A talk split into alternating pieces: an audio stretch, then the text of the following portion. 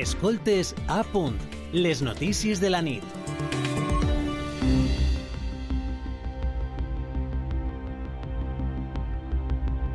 El conflicte entre Israel i Palestina torna a protagonitzar titulars als mitjans de comunicació després de l'atac de Hamas ja fa dues setmanes i els bombardejos constants a la població civil palestina per part d'Israel. Fins aleshores era una altra guerra, la de Rússia i Ucraïna, arran de la invasió russa a este últim país, la que ocupava eixes portades. Una guerra ha desplaçat l'altra en interès informatiu. A este fenomen, les periodistes Andrea Aldana, colombiana, colombiana, i Lorraine Morales, cubana, l'han batejat com a obsolescència informativa programada en els conflictes internacionals. D'acord amb l'Acadèmia de Dret Internacional Humanitari i Drets Humans de Ginebra, a hores d'ara al món hi ha més de 100 conflictes armats actius. En les notícies de la nit, per aprofundir-hi, parlem amb la periodista cubana especialitzada en temes migratoris, Lorraine Morales. Bona nit, Lorraine. Hola, un saludo para todos, especialmente para la audiencia. Muchas gracias. El primer que voldríem saber és què és exactament l'obsolescència informativa programada i com funciona este fenomen. Cuando nos referíamos a la obsolescencia informativa programada, nos referíamos a cómo algunos conflictos suplantan en vigencia o en temas de eh, abordaje mediático a otros conflictos que eran precedentes, como bien habías explicado al, al inicio de, de, la transmisión, el caso, por ejemplo, Rusia-Ucrania y cómo ahora con el, con, eh, el inicio de, de, eh, de, este contexto entre Palestina e Israel, pues, eh, bueno, eh, parecería que ya no ocurre nada en términos informativos en, en el caso de Ucrania, ¿no? Pero en realidad eh, lo que hacen es que un conflicto solapa a otro o uh -huh. lo desplazan dentro de la parrilla de información. I, I quines són les conseqüències de que això passe? En realidad, eh, esto se puede deber a múltiples factores, ¿no? En primera instancia, pues, eh, hablábamos de que pueden existir muchos filtros o, o, muchas razones, entre ellas la cercanía geográfica entre eh, dónde ocurre el, el, evento y otro, pero sobre todo al tema de eh, que es un evento que ocurre y que tiene, adquiere un carácter noticioso relevante, ¿no? En términos de breaking news o en términos de eh, información de última hora. Pero bueno, también tiene que ver con, por ejemplo, cuál de los conflictos afecta directamente a, por ejemplo, en este caso España, ¿no? Cuáles son las mayores repercusiones que pudiera tener para España y mantener a las audiencias informadas de, eh, bueno, cuáles serían las posibles eh, causas de que se vean afectados en otros ámbitos, como pudieran ser, no sé, el ámbito econòmico, electroenergètic, etc. Uh -huh. eh, també t'escoltava parlar i pensava no? en, en com els formats informatius també en certa manera, fan que aquests desplaçaments siguin com més, eh, més cridaners, no?, per el temps informatiu, és a dir, eh, les notícies han de durar X minuts i han de cabre tantes en un informatiu, no? No sé si això... I, i també la, la importància de si es tenen corresponsals o no en les zones de conflicte. No sé si això també ho heu detectat en aquesta obsolescència sí. informativa. Totalmente, también tiene mucho que ver, como decías, con el tema del formato. Eh, por ejemplo, lo que es la televisión y la radio, e incluso el, la prensa impresa, cuando hablamos de formatos de, de, periódicos impresos y tal, pues tienen un espacio de muy limitado, ¿no? Tiene, como dices, tanto tiempo al aire o tanto espacio en, como tal para escribir. Y eso, pues, obliga a que haya como que una mayor... Eh, forma de, de, seleccionar, ¿no? Una mayor selectividad en términos de eh, la noticia que va a ocupar los espacios eh, determinados, porque bueno, se responde también a, a este, a este elemento. Pero, por ejemplo, en el caso de la web también se puede dar una sobresaturación de información, ¿no? O sea, hay como que un espacio más ilimitado hasta el punto de vista de que se puede generar mucha más información, pero igual eh, va eh, saliendo del espacio eh, más visible, por así decirlo, ¿no? Con mayor rapidez. Sí, això era una de les preguntes també que, que tenia per fer. Quina és la relació entre l'obsolescència informativa programada en els conflictes internacionals i aquesta sobreinformació que hi ha en els mitjans? En, en certa manera, podríem dir que eh, fa com que la gent no li dona tanta importància o, o, o és més bé al revés? En términos informativos, yo pienso que las audiencias pueden llegar a un punto de saturación eh, debido a la sobreabundancia de informaciones, ¿no?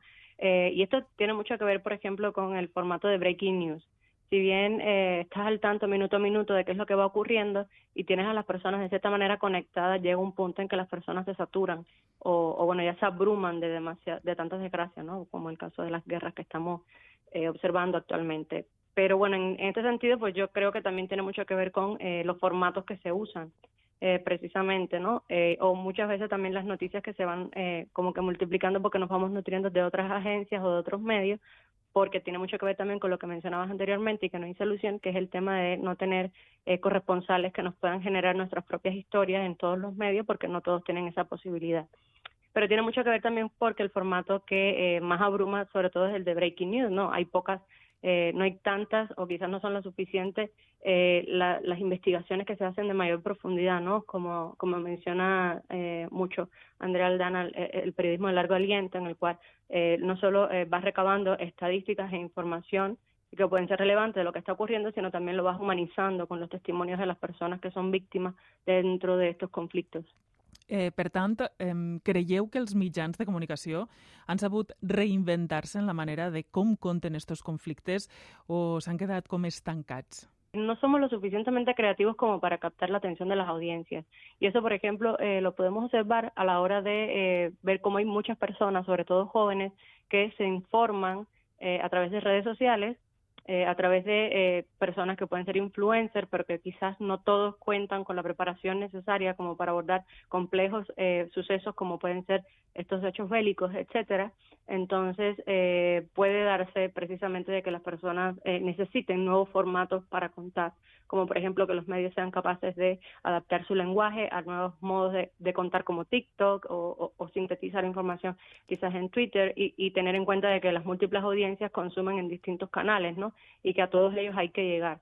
Y uh -huh. quizás ya no son las audiencias quienes nos buscan, quizás nosotros tenemos que ir a buscar eh, captar esa atención que de las audiencias. Tant Andrea Aldana com tu mateixa participeu en una estada a la Universitat Miguel Hernández eh, que du endavant Reporters Sense Fronteres i que promou un espai segur per a la llibertat de premsa. Ens podries contar en què consisteix i, i quina és la valoració que en fas eh, fins a este moment?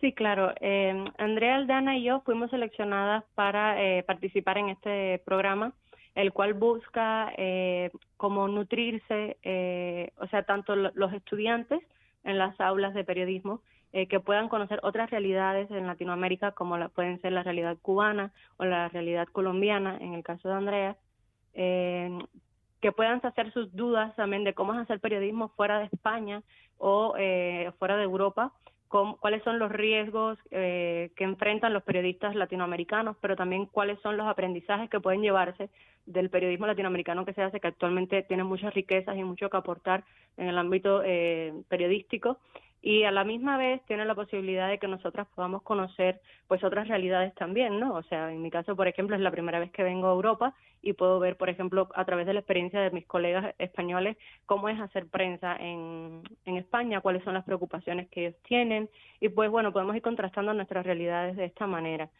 Pienso que el, que el programa nos brinda una posibilidad de, de, crecimiento, no solo personal, sino también profesional, ya que nos permite crear experiencias dentro o frente a, un aula, eh, poder compartir también lo que es la experiencia de una universidad o una casa de altos estudios europea, que también es muy enriquecedor, por lo menos lo que he podido observar contando con mi experiencia latinoamericana, ¿no? En este caso, porque estudié en México y en, y en Cuba, y pues bueno, la, las diferencias son abrumadoras, y yo siento que nos muestra a nosotras también que un mundo mejor sí es posible. Y al mismo tiempo le enseña al, al caso de los jóvenes, sobre todo, eh, las cosas que tienen que más valorar o las cosas que pudieran perder porque no todo está dado y no todo está escrito en piedra. Entonces, pues yo creo que es un aprendizaje mutuo y ganar-ganar para, para todos.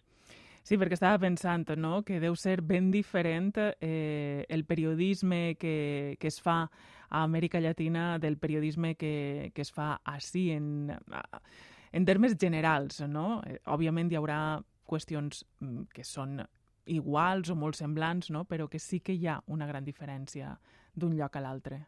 Sí, totalmente. Por ejemplo, en América Latina hay realidades muy abrumadoras como pueden ser la mexicana, la colombiana e incluso la hondureña, donde eh, los periodistas son perseguidos y son asesinados eh, concretamente, solamente por el hecho de, de ejercer su derecho de libre prensa y pues comunicar, ¿no? eh, las realidades que ellos perciben. en el caso de Cuba es tan triste como que una persona por poder eh, no ya no ni tan siquiera llegar a publicar en un medio independiente, sino también incluso publicar en las redes sociales eh, algo que les sea de la realidad, que no sea de gusto del gobierno y que puedan llegar incluso a ser procesados penalmente e ir a la cárcel por ejercer su libertad de, de, de expresión o su libertad de ejercicio de prensa. Entonces, son realidades tan abrumadoras que muchas veces no, no pueden llegar a imaginar lo que sea así, ¿no? Concretamente y mucho menos vivirlo. Entonces es importante conocer estas realidades porque ha, habido un alza, un alza del autoritarismo en, todo el mundo y es importante que la gente lo sepa, ¿no? Que se están jugando mucho. Uh -huh. Efectivament, i com d'important és eh, sentir de viva veu amb gent com com Andrea Aldana o com eh, tu mateixa, Lorraine Morales, eh, que ho ha viscut i que pot eh, explicar-ho eh, a, a, a les persones que estan aprenent i, i d'altres que, que ja tenen una llarga trajectòria, no? I, I crec que ens hem de quedar amb aquesta riquesa que, que porta l'intercanvi de, de realitats que comentaves. Així que mm, ho hem de deixar així.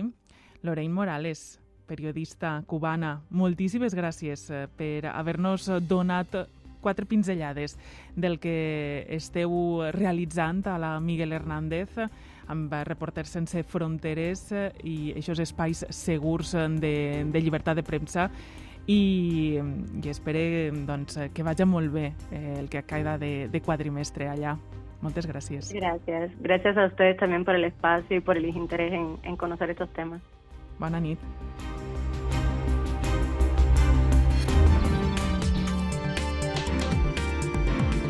Escoltes a punt, les notícies de la nit.